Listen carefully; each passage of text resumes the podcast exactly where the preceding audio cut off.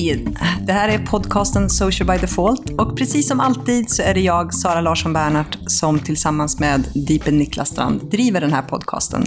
Podcasten Social by Default, liksom konceptet, är ett samarbete mellan Know It Experience och United Power. Och vill du läsa mer om oss så går ni till socialbydefault.se. Har ni frågor till oss eller åsikter om avsnittet? Twittra med hashtaggen socialbydefault eller prata med oss på vår Facebook-sida. Hej Sara! Hej Niklas! Hur är det? Det är bra, är det. det är Fast fel. lite konstigt är det. Massa konstiga saker har hänt. Ja, Ja. det har det gjort. Vi är i Stockholm. Vi har precis avslutat vår, eh, 21 kurs på Bergs. precis, i bygga varumärken sociala medier. Haft en fantastisk grupp. Ja, jättemysig. Eh, helt underbara. Men mitt i alltihopa så blev vi av med våra datorer. Det var ju inte så kul. Nej, det var riktigt jävligt faktiskt. Det är väl så. Så nu sitter vi här och funderar lite hur, hur det ska lösa sig med det. Men det, allt löser sig. Både du och jag har ju faktiskt någorlunda backuper. Mm. Du har ju något bättre än jag. Jag har Ja. ju alltid en sån här säkerhets-backup på min egen hårddisk. Precis. Som jag inte är så duktig på att backuppa. Annars Precis. Mm. har vi ju alltid moln och i Dropbox. Så det var, det var nog mest synd om vår elev som faktiskt in, som också blev av med en dator och eh, helt enkelt inte hade backup. Nej. Så det är tungt. Så återigen, kom ihåg att backuppa. Vad har vi mer gjort här då? Vi kom ju tisdags. Vi Mm. brukar alltid komma tidigare. Och vi har genomfört två stycken otroligt spännande intervjuer. Precis. Det vi kommer att prata om idag i intervjun är ju vad vi faktiskt ändå pratat ganska länge om, alltså socialt varumärke, purpose branding. Så någonstans så har vi ju sett en trend nu där varumärken och företag behöver förändra sin kommunikation för att faktiskt visa ett ställningstagande i omvärlden, luta sig tillbaka till sitt existensberättigande egentligen. Och det vi pratar om är ju syftesdriven marknadsföring. Och det är ju helt enkelt att CSR behöver vara en självklar del av mycket mer av det vi gör, att värdegrunden behöver synas.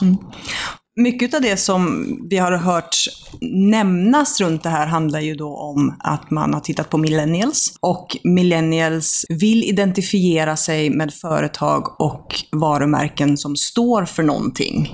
Det räcker inte att bara ha en, en snygg yta eller en bra funktion utan man vill också kunna relatera till till produkter eller till tjänster eller till företag med ett större värde. Och jag kan tycka att bara prata millennials är väldigt fel där. För jag tror att alla människor någonstans, om man väljer mellan två produkter eller två tjänster eller två varumärken, så har man lättare att identifiera sig och göra ett val med ett varumärke som faktiskt är fyllt av någonting mer än bara den produkt eller tjänst man, man säljer. Så jag tror ju generellt också genom att sociala medier ger oss möjligheten och samtidigt kravet på oss att göra mer, bättre och oftare innehåll så kommer vi ju dö om vi ska liksom hela tiden sälj, sälja, att vi inte berättar om mer, om vi faktiskt inte presenterar vårt existensberättigande som varumärke. Då blir det ju till slut ännu mer reklamtrötta än vi redan är. Och istället att faktiskt försöka skapa då den här relationen vi vill ha med en kund så krävs det att man också pratar om sådana här saker. Så det vi har gjort är att vi tog trapporna upp till JMV och träffade Björn Mellstrand precis. som idag är strateg på JMV. Han har varit vd i många år, är en av grundarna för byrån. Jag lärde känna honom för många, många, många år sedan. Helt enkelt. Han dök upp på radarn i och med att eh, jag fick en inlänk från en ny blogg 2004 till min blogg researcher.se. Och då började vi ja, läsa varandra och började så smått ta kontakt. Och sen lärde jag känna Britt när hon kom och var med på en konferens och jag och Britt började jobba ihop. Och efter ett tag så började jag jobba på JMV. Så att intervjua Björn blev väldigt speciellt eftersom det är en av mina vänner verkligen och som jag tycker väldigt, väldigt mycket om. Och det samtalet kommer ni höra nu. Var är kommunikationen på väg? Ja, den, det är ju typ en eh, eh, så här, kvitt eller dubbelfråga. Men, men det finns vissa saker vi kan kolla se i omvärlden just nu, trender som jag tror kommer förstärkas. Eh, jag tror att vi kommer se eh, falska nyheter eh, bli en del av kommunikationen. Kanske inte där vi är tydliga med vem som är avsändare, men jag tror att det finns de som kommer pröva om det är en framgångsrik recept.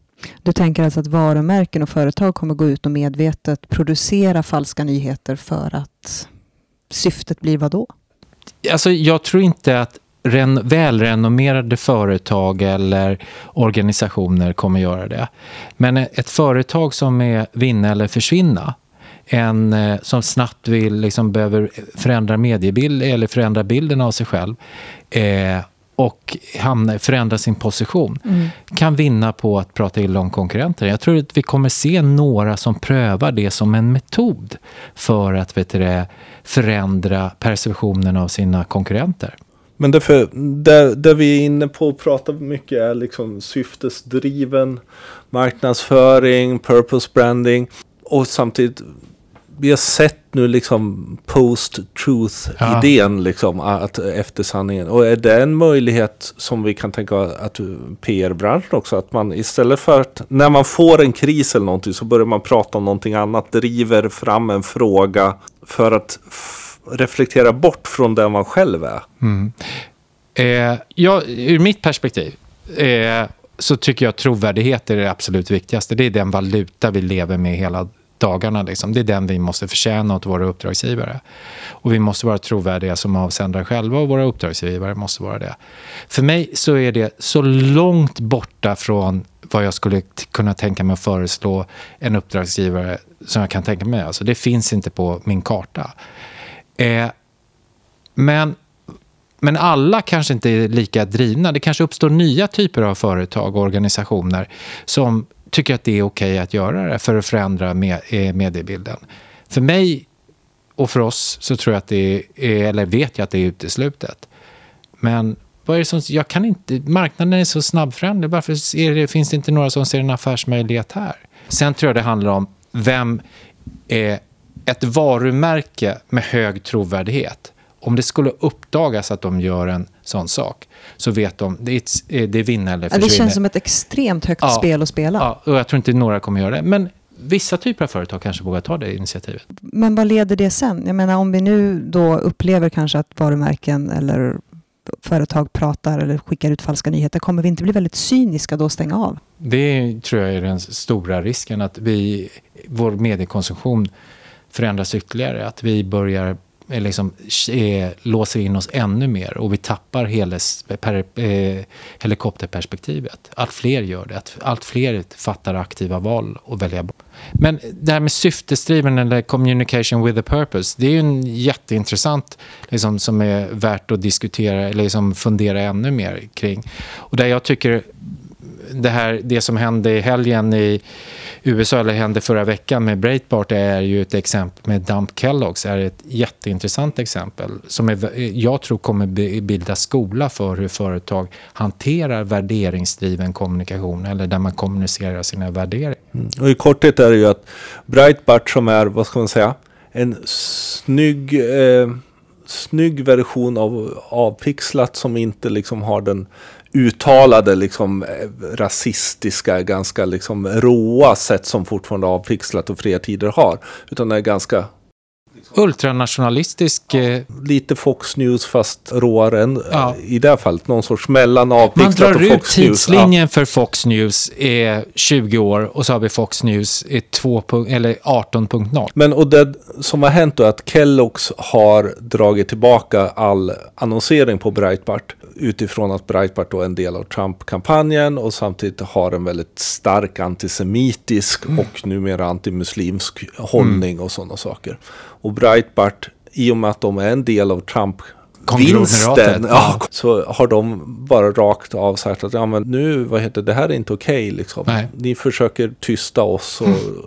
en ganska stor nu konsumentdel. Det var igår var det 350 000 konsumenter som hade skrivit på deras upprop eh, Dump eh, Kellogg's. Eh, och som då säger att vi ska välja bort Kellogg's framöver. Och det har vi ju sett i Sverige också. Mm jag menar Grand mm. var ju någon sorts... Eh, Början. I ena läget så var det några som sa att vi kommer aldrig använda Grand och så sen när de vände så blev det den andra sidan. Mm. Så vi kan, I alla de här hotellen där, runt SD-delarna så har det ju hela tiden varit att man går in och säger nu bojkottar vi. Mm. Alltså vi har ju en mm. väldigt stark medvetenhet om att konsumentmakt. Men handlar inte det ganska mycket om att när man jobbar med syftesdriven marknadsföring så behöver man dels titta på den målgrupp man kanske vänder sig till, Mm. men också titta på den motgrupp Ja, som man det är sant. retar upp. Ja, det är verkligen sant. Och hur pass aktiva är det? Vilken makt har de i, i, i, media, i medierna? Ja, Kan och de vad kostar det Ja. oss att... eh,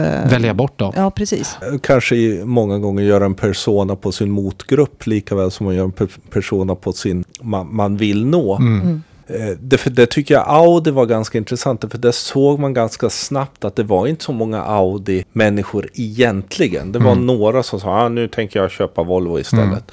Men det var ju den vanliga som syns överallt annars. Men som spelade konsument. Mm. Men alltså, all kommunikation är ju ett risktagande. Mm. Och en, en, en duktig kommunikatör måste göra en riskanalys. Vad, vad innebär det här? Om vi nu väljer bort eh, Breitbart och heter Kellogg's, vad, hur, kommer det, eh, liksom, hur kommer det påverka vårt varumärke? Eh, och då får man göra en eh, kostnadsintäktanalys. Okej, okay, eh, nu blir det väldigt mycket uppmärksamhet om det här. Eh, stora grupper kommer välja bort oss. Men får vi en motreaktion bland de som är oss lojala och som känner ett ännu större är liksom att vi delar verkligen värderingar och de kanske blir ännu mer lojala konsumenter. Men jag tror att eh, Dump Kellogg's kommer bilda skola för att det är väl första gången, och jag har säkert fel här, men det är väl första gången som eh, den här eh, Trump-Breitbart-målgruppen nu ska utöva sin konsumentmakt kollektivt och se vad händer. Påverkar det försäljningen i USA? Eh, jag har ingen aning.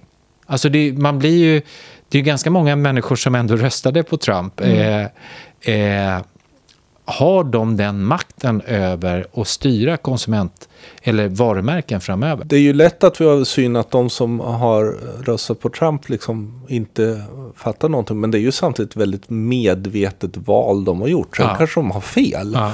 Men, men det är ju och därmed också har ju en högre antagligen att vilja gå med i sådana här saker. Mm.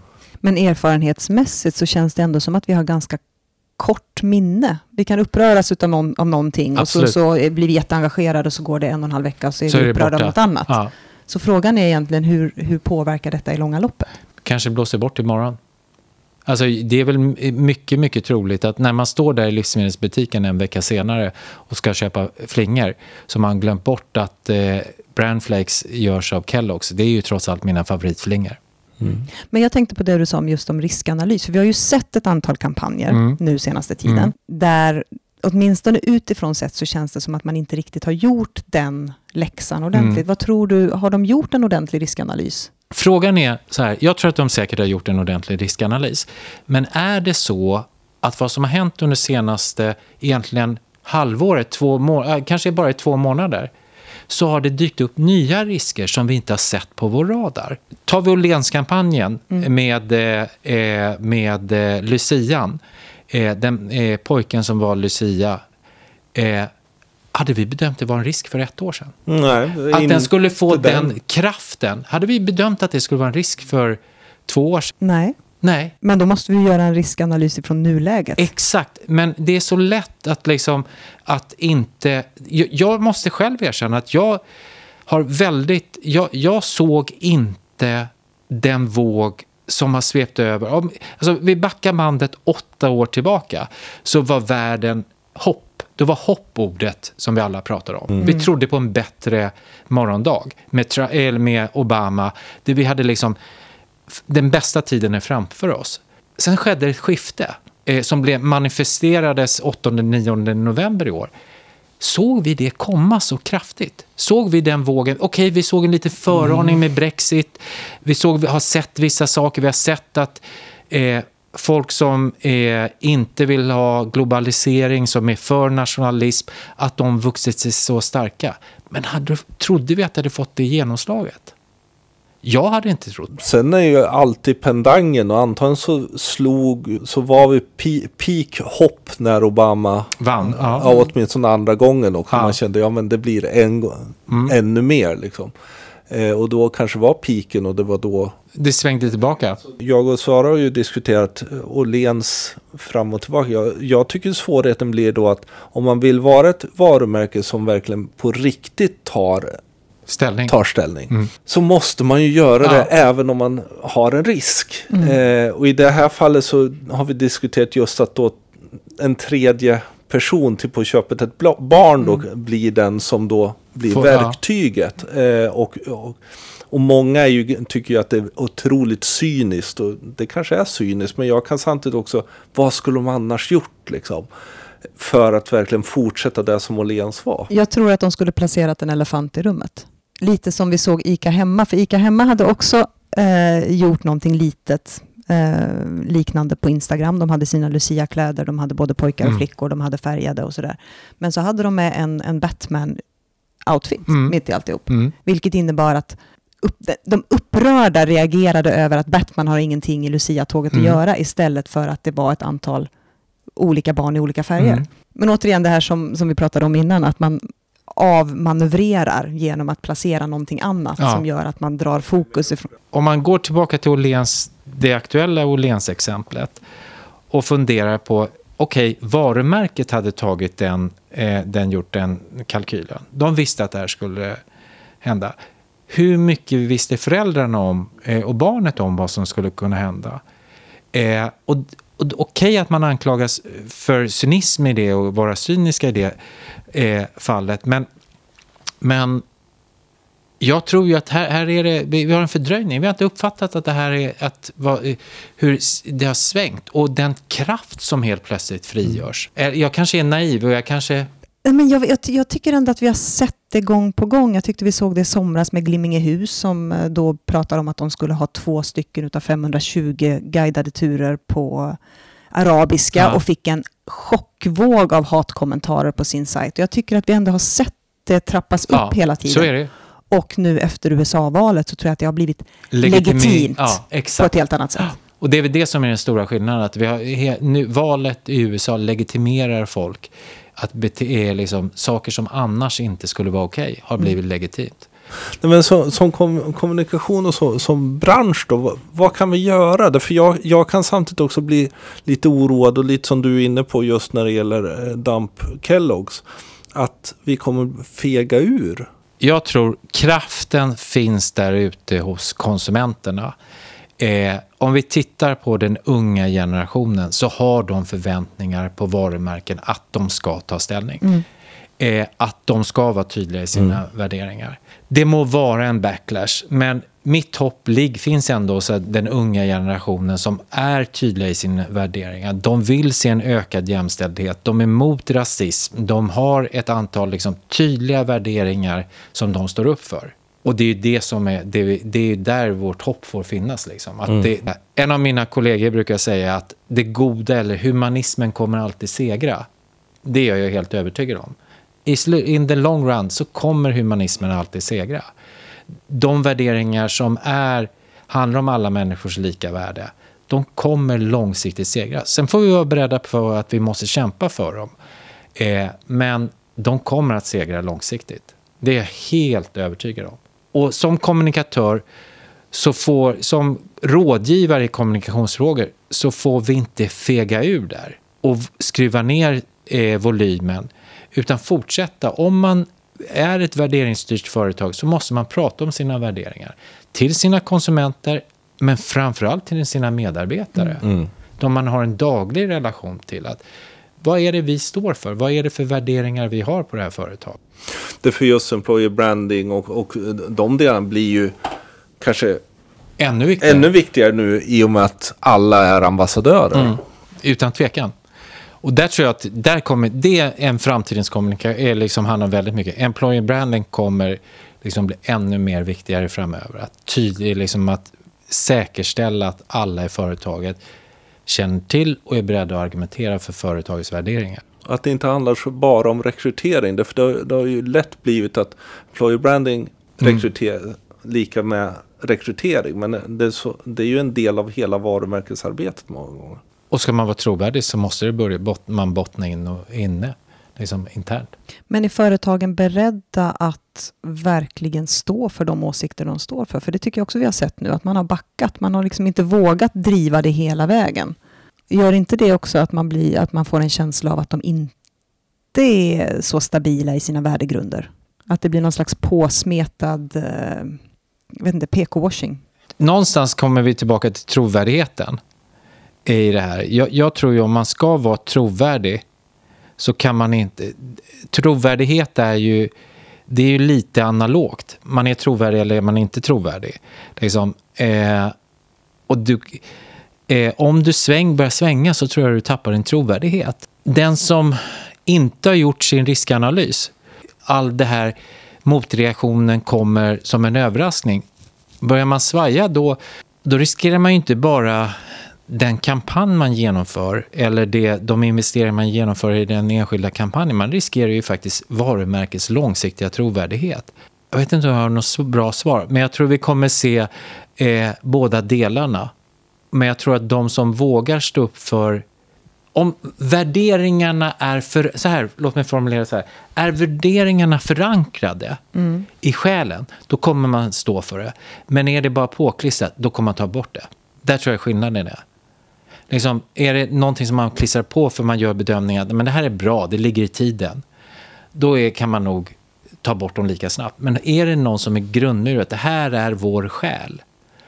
Då tror inte jag man ger vika från det. Om man som konsult då ska ta ett sådant uppdrag åt ett företag, hur mycket ska man förbereda dem på just de här motgrupperna och vad den här kampanjen egentligen som man då planerar kan, kan väcka för känslor och hur ska man säkerställa just att de här värderingarna verkligen är förankrade i företaget? Jag, jag tror att det handlar om att eh, visa på tidigare exempel. Vad, ha, vad har hänt? Vad händer eh, när du gör det här? Vad har andra hänt? Vad hände med för Åhléns och Lucian? Hur ska ni reagera det här? Visa scenarie, mm. beskriva, beskriva tänkbara scenarier. Och då också kunna visa magnituden av det här. Att, jag vet inte hur många kommentarer det var på eh, Åhléns kampanj, men det handlar ju om tusentals eh, reaktioner. Hur ska ni förmå att hantera det? Så ett scenariebeskrivning tror jag är det enda, enda vettiga man kan jobba med. Att, det här kan innebära att den här gruppen mobiliseras. Vad händer då? Mm. Och vilka krafter är det som kommer lös, eh, lösgörs i ett sånt läge? Har vi resurserna för att hantera det i det läget? Har vi tillräckligt med människor som är ute på sociala medier? Vilka motkrafter har vi som kan bättre engagera, som vi kan engagera? Vilka är våra ambassadörer som är beredda att ta, ställa sig upp och prata för vår sak? Och det har vi inte sett speciellt mycket av, känns det. Förutom i Åhléns nu då. När... Jag är Lucia. Ja, och jag, jag, är här är ju den första ja. där Malena Ernman har, har startat. Mm. Som är tanken att vi, vi, ska, vi ska komma som en hord god, goda och visa, visa ja, det gamla nätkärlektanken. Men det, det, här är, jag, jag, jag, ibland så önskar jag att man, man, vi kunde organisera alla vi, alla vi som tror på humanism, vi som tror på en bättre morgondag, som tror på alla människors lika rätt och värde. Eh, alla de här nättrollen som finns där ute. Eh, varför, varför organiserar vi oss inte likadant som dem? Varför ska, startar vi inte fefabriker, goda feer, liksom, och börjar sprida eh, det vi, våra värderingar? Varför kan inte vi lära oss av deras sätt att hantera, äh, agera och börja organisera oss? Därför vi är rädda. Jag tror väldigt många av oss är rädda och tänker på ja, vad händer om jag kommer i skottgluggen? Mm. Eh, men om vi är många så kanske vi kan åstadkomma det. Vi behöver nätfer, det är min, eh, har jag sagt länge, men det är eh, ingen som lyssnar på mig. men jag tänker då, vi har ju pratat om lanseringskurvan och bellkurva och sådär, mm. hur man ska skapa bass. Då, är, då innebär ju det att i den här början, samtidigt som du då skapar bass om någonting, så får du ju plantera mot de här, hitta de här änglarna eller ambassadörerna som när det väl händer, att de då organiseras. Agera, ja. Vi behöver, vi behöver veta våra, vilka våra vänner är. Det här då när vi, som du var inne på just med det är värderingarna som sitter i själen som mm. kommer. Så här, som då vi som PR människor. Hur kommer framtiden se ut för PR-branschen? Därför vi är ju ändå, har ju varit inne att man får ett uppdrag, man kommer med en kampanj, tjohej, tjohoppla, så bra man kan. Mm. Utifrån en, ibland en ganska vag brief ska man väl mm. erkänna. När det här blir det viktiga, hur, hur kan vi förändra oss? Och framförallt kommer vi se mycket mer interna delar. Hur ska vi förhålla oss egentligen? Jag tror att vi måste, alltså PRs roll är inte längre någonting man lägger på som icing på, kakan, eh, på kakan. Gud vad jag... eh, eh, utan det handlar, det är så mycket, det som har en större effekt på varumärkena. Det gör att jag tror att vi måste våga ta för oss lite mer än vad vi gör idag. För i, idag kanske vi nöjer oss med den där briefen som säger gör lite PR på den här kampanjen som ni gör, vi ska lansera. Och sen får vi klagomål eller kritik för att vi inte såg det där komma. Men jag tror att vi måste ha mer mod att visa på det här är en, en risk eh, och det måste ni förhålla er till. Vi behöver gå från branschen som helhet från att bara vara utförare av PR-tjänster till att vara rådgivare. Därför att det här handlar om hur folk ser på varumärkena och hur människor... Det handlar inte bara om en enskild kampanj. Det handlar om hela din investering i ditt varumärke. Och då behöver vi bli, vi bli rådgiv, vara rådgivare. Verkliga rådgivare. Och då är kanske inte det produktchefen. Vi pratar med fel person, ibland med fel personer. Vi måste kanske högre upp i näringskedjan i organisationerna. De som äger varumärket. Det tror jag är en tuff resa för PR-branschen. Därför att vi har haft, PR-branschen har haft luft under en lång period här och vuxit i mandat och så vidare. Men tittar vi kommunikationsbranschens förändringar och så, så är ju inte eh, reklambyråer eller traditionella reklambyråer sena på att uppfatta förändringarna och anpassa sig till förändringarna. Och där tycker jag att historiskt sett har reklambyråerna varit bättre på att tala till folk högre i näringskedjan i organisationen än vad PR-byråerna är. Så vi behöver mer mod. Vi behöver eh, nå högre upp i, i eh, företagens strukturer eh, för att bli de rådgivare, vara de rådgivare som våra uppdragsgivare egentligen behöver. Och jag, ty jag tycker också intressant utifrån att vi har också haft en väldig kampanjifiering mm. av, tittar man på egentligen spinn de mm. senaste fem mm. åren mm. så är det ju egentligen en reklamtävling om ja. man ska, ska mm. vara krass och Absolut. inte en PR-tävling eftersom det är kampanjer det mm. handlar om. Helt enkelt, då har vi vant oss vid att göra kampanjer, kanske ibland som PR, PR-bransch vara mer reklambransch medan då... Men vems är ansvaret? Att ställa de frågorna?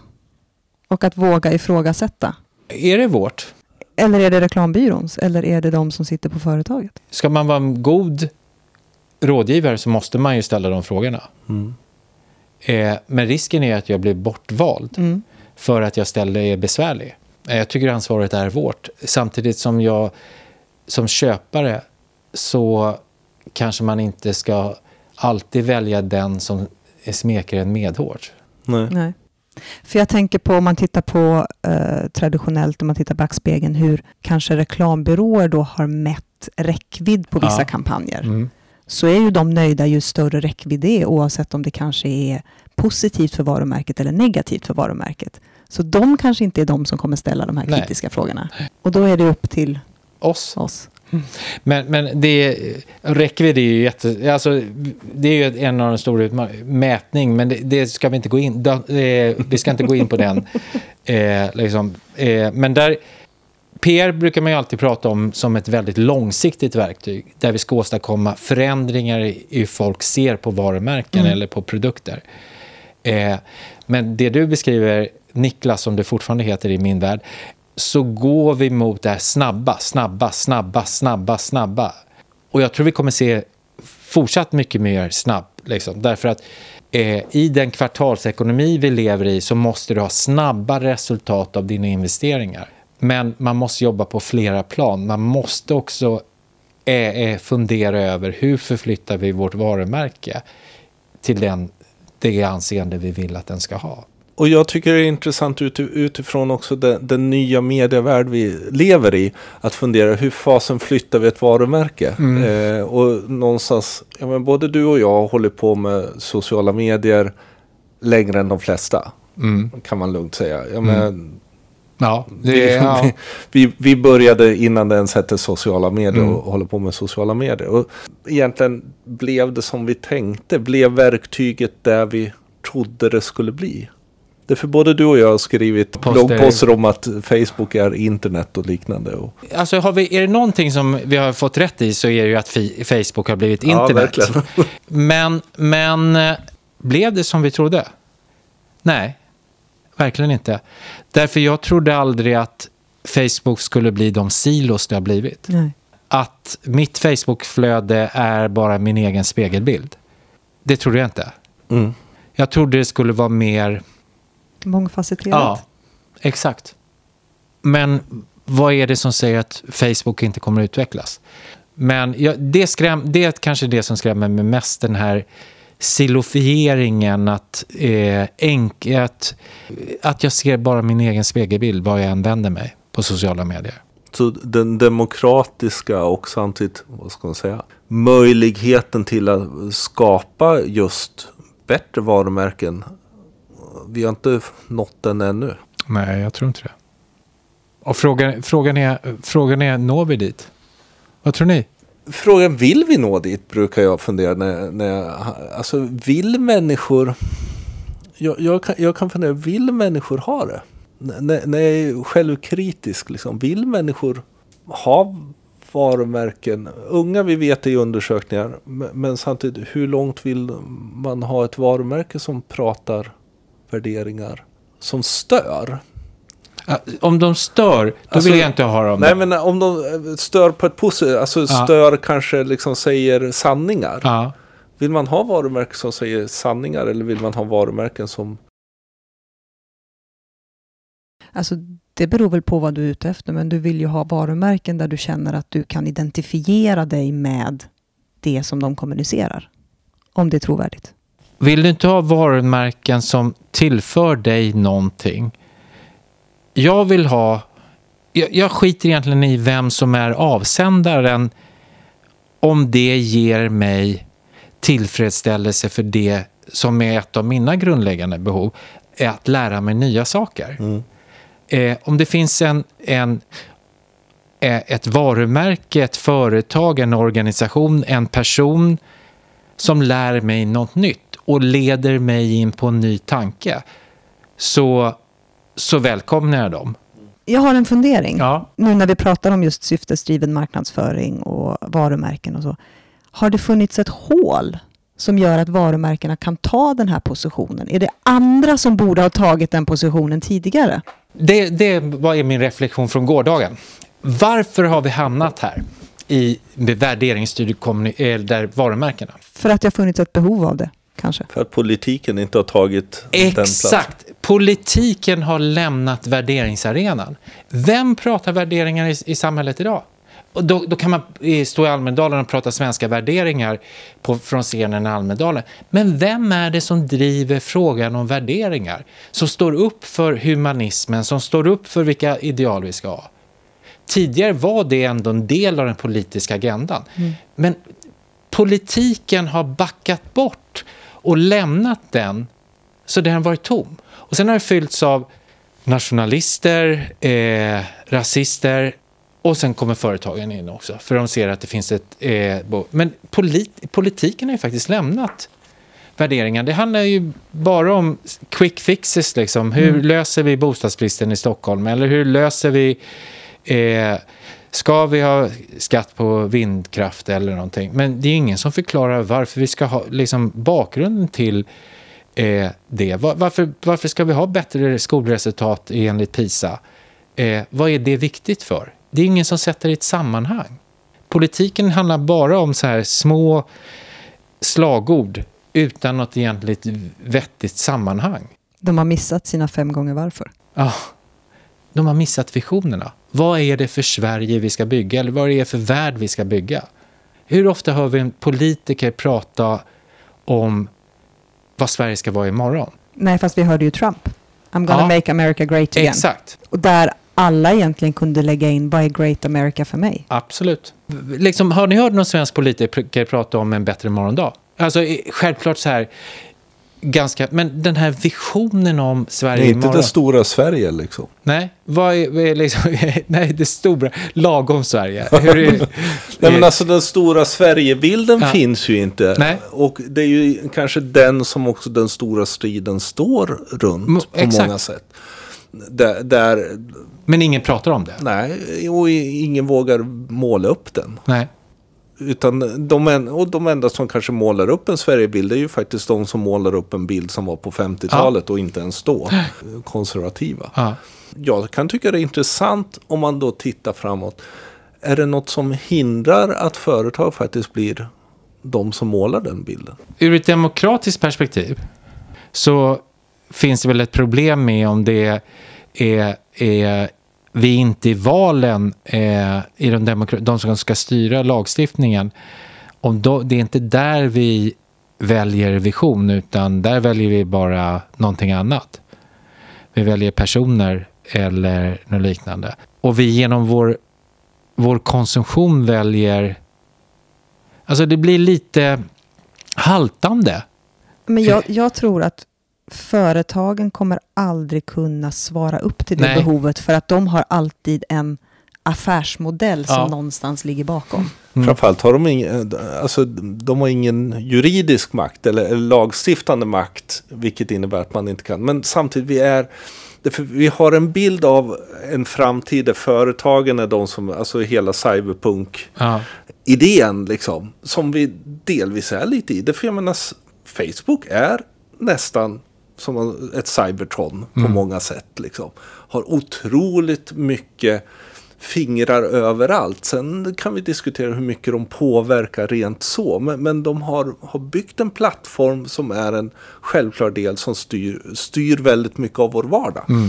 Frågan är om Facebook väljer nu, om Mar- Mark Zuckerberg fortsätter liksom driva sin agenda utifrån godhet att skapa eh, connecting people som han gör med alla sina pengar som Bill Gates har gjort när han hoppade av Microsoft och sådär. Så vad finns det för plats för politi- politiken som ofta behöver då tänka taktiskt på ett annat sätt utifrån att väl, eh, bli vald? Men, men lagstiftningar har ju det, det unika eh, därför att du, du, eh, vi har ju en sanktionsmöjlighet där. Följer du inte lagen så, eh, så, kan det, så får du ett straff. Eh, och så. Eh, politiker kan vi avsätta när vi tycker att de stiftar lagar som vi inte tycker är tillräckligt bra. Då väljer vi, röstar vi fram några andra. Företag, vad är vårt demokratiska inflytande över dem? Hur påverkar vi dem? Vi kan köpa deras produkt eller inte. Men så länge som politiken har den lagstiftande makten så tycker jag det, då måste ju de vara tydliga med vad är deras värderingar. Utifrån vilka grundvärderingar stiftar vi lagar? Eh, det får inte bara vara lösa problemen här och nu, utan vad är det för samhälle vi ska bygga imorgon? Och jag tror inte företagen kan ersätta politiken eh, fullt ut. Inte jag heller och framförallt så hamnar vi i en fe- feodalism och, och den upplyste diktatur, Despoten. Ja, ja. I, i det. Och, men där måste man ju hitta, tror jag, också en balans. Därför det finns väldigt lätt då att man liksom skjuter allt ont på företagen på Facebook, självklart. Och liksom, och fortfarande så skapar det ett vakuum. Liksom. Men till din fråga som vi började den här diskussionen. Blev sociala medier vad vi hade trott eh, de skulle bli? Eh, ja, nej, eh, de blev mycket, mycket mer än vad jag någonsin eh, 2006-2007 när Facebook kom trodde att det skulle vara. Alltså, jag, nej, jag hade liksom i min vildaste dröm aldrig trott att... Liksom, jag, jag, trodde det skulle ha stort inflytande, men den position det har idag, hur det är egentligen ett blodomlopp i väldigt, väldigt mycket. Hur mycket kontakter som har flyttat dit, hur mycket av ens omvärlds eller ens relationer som har flyttat dit. Det är helt eh, liksom jag tycker det är, är helt fantastiskt. Mm. Och så snabbt det har gått. Och även om vi tror, dömer ut och säger att Facebook håller på att eh, liksom tappa mark. Nej. Jag tror det var Britt Staksson som sa att eh, man får inte glömma bort att människor har flyttat sina kontaktnät dit. Och det kommer krävas otroligt mycket för att flytta dem därifrån. Och det är verkligen sant. Den, den kommer inte ske, för, för nu är det alldeles för stort och ja. alldeles för vant. Och självklart väljer vi då kanske att inte använda det så intensivt Nej. som det var från, när, när vi hade liksom hela diskussionen att eh, det tar över all tiden och mm. så. Ja, men det gör vi inte. Nej. Och då börjar folk säga, nu håller det på att dö. Nej, det håller på att normaliseras. Exakt. Men här ser vi också hur Facebook faktiskt utvecklar sin plattform till andra komplementära ja. plattformar ja. för att just följa med i den förändringen. Ja. Jag kanske inte är på Facebook, Facebook lika mycket Nej. som jag var innan, men jag är i mina grupper och jag är i min Messenger. Och... Nej, det, ja. Nej, men det, det, har varit en intressant resa. Och det roliga är ju att den här resan kommer att fortsätta. Vart tar den vägen eh, framöver? Du har ju varit på sådana här coola seminarier. Och... En, eh, en sak som jag har slagits av senaste tiden, det är ju att det är väldigt mycket egentligen back to basics. Förmågan att berätta en historia mm. som är det som är det viktigaste. Eh, förmågan att berätta en historia som engagerar. Och där finns det ju likheter med eh, presidentvalet i USA. Liksom en väldigt traditionell saga som berättas av Trump. Det fanns ett land som var stort en gång i tiden. Sen kom eh, The Crooked Hillary och förstörde det med hennes gelikar. Det krävs en hjälte i form av eh, Donald Trump. Bara jag kan göra USA stort igen. Liksom, vi ser hela den, det är berättelsen. Och jag tror att vi kommer se berättelsen, är liksom, historien kommer bli viktig, liksom få ett, en revival. Och vi har pratat storytelling och storydoing och allting. Men just det här att förmågan att förpacka sin berättelse, sin historia på ett, ett en engagerad historia kommer alltid vara nyckeln till en bra kommunikation. Har jag fel? Då också förpacka historien i vad gör den för nytta för samhället, ja, för individen, ja, absolut. Ja. för framtiden. Det räcker ju inte med att bara berätta en fin... Eh, eh, det måste ju finnas en högre syfte i det hela. Purpose, alltså hela den här syftesdriven kommunikation, ja, eller kommunikation med ett syfte. Eh, om det är förankrat i, i varumärket och att det är trovärdigt, då tror jag det också kommer nå starkt det är nästan lite synd att vi har satt en tidslimit på den här podcasten, för jag hade kunnat sitta och prata med Björn i säkert två timmar till om det här. Oerhört spännande med, med alla de här delarna runt allt från fake news, dump Kelloggs och faktiskt också var vi har kommit mm. att hamna i och med sociala medier. Att det är oerhört viktigt och att det ställer nya krav på oss, både som producenter av innehåll men också av, som konsumenter av innehåll. Det är ju någonting som vi behöver vara medvetna om och fundera på hur ska vi relatera till det här nu i framtiden. Det här var det här avsnittet. Mm, jag hoppas ni tyckte att det var intressant. Och precis som vanligt så lägger vi in show notes och länkar och allting på podcast.socialbydefault.se. Och glöm inte att prenumerera på vår podcast. Vi var ju tvungna att flytta podcasten från vår gamla host till vår nya, vilket innebär att det kan vara lite rörigt i iTunes eftersom vi ligger nu på Soundcloud och då, deras sätt att eh, bygga på innebar att det blev lite rörigt. Så ni får stå ut ut med att saker och ting är eh, lite i ordning, men från och med nu blir det i ordning igen då. Precis, så vi ber om ursäkt för det, men hoppas att ni fortsätter att lyssna. Och precis som vi nämnde i början, nästa vecka har vi en annan otroligt spännande intervju, som den vill ni faktiskt inte missa. Vill ni prata med oss, som jag tidigare sa, hashtaggen social by default. Vi finns på vår Facebook-sida och vi själva finns på överallt. Jag heter Deeped. Och jag heter Sanasi LB. Tack för oss. Tack.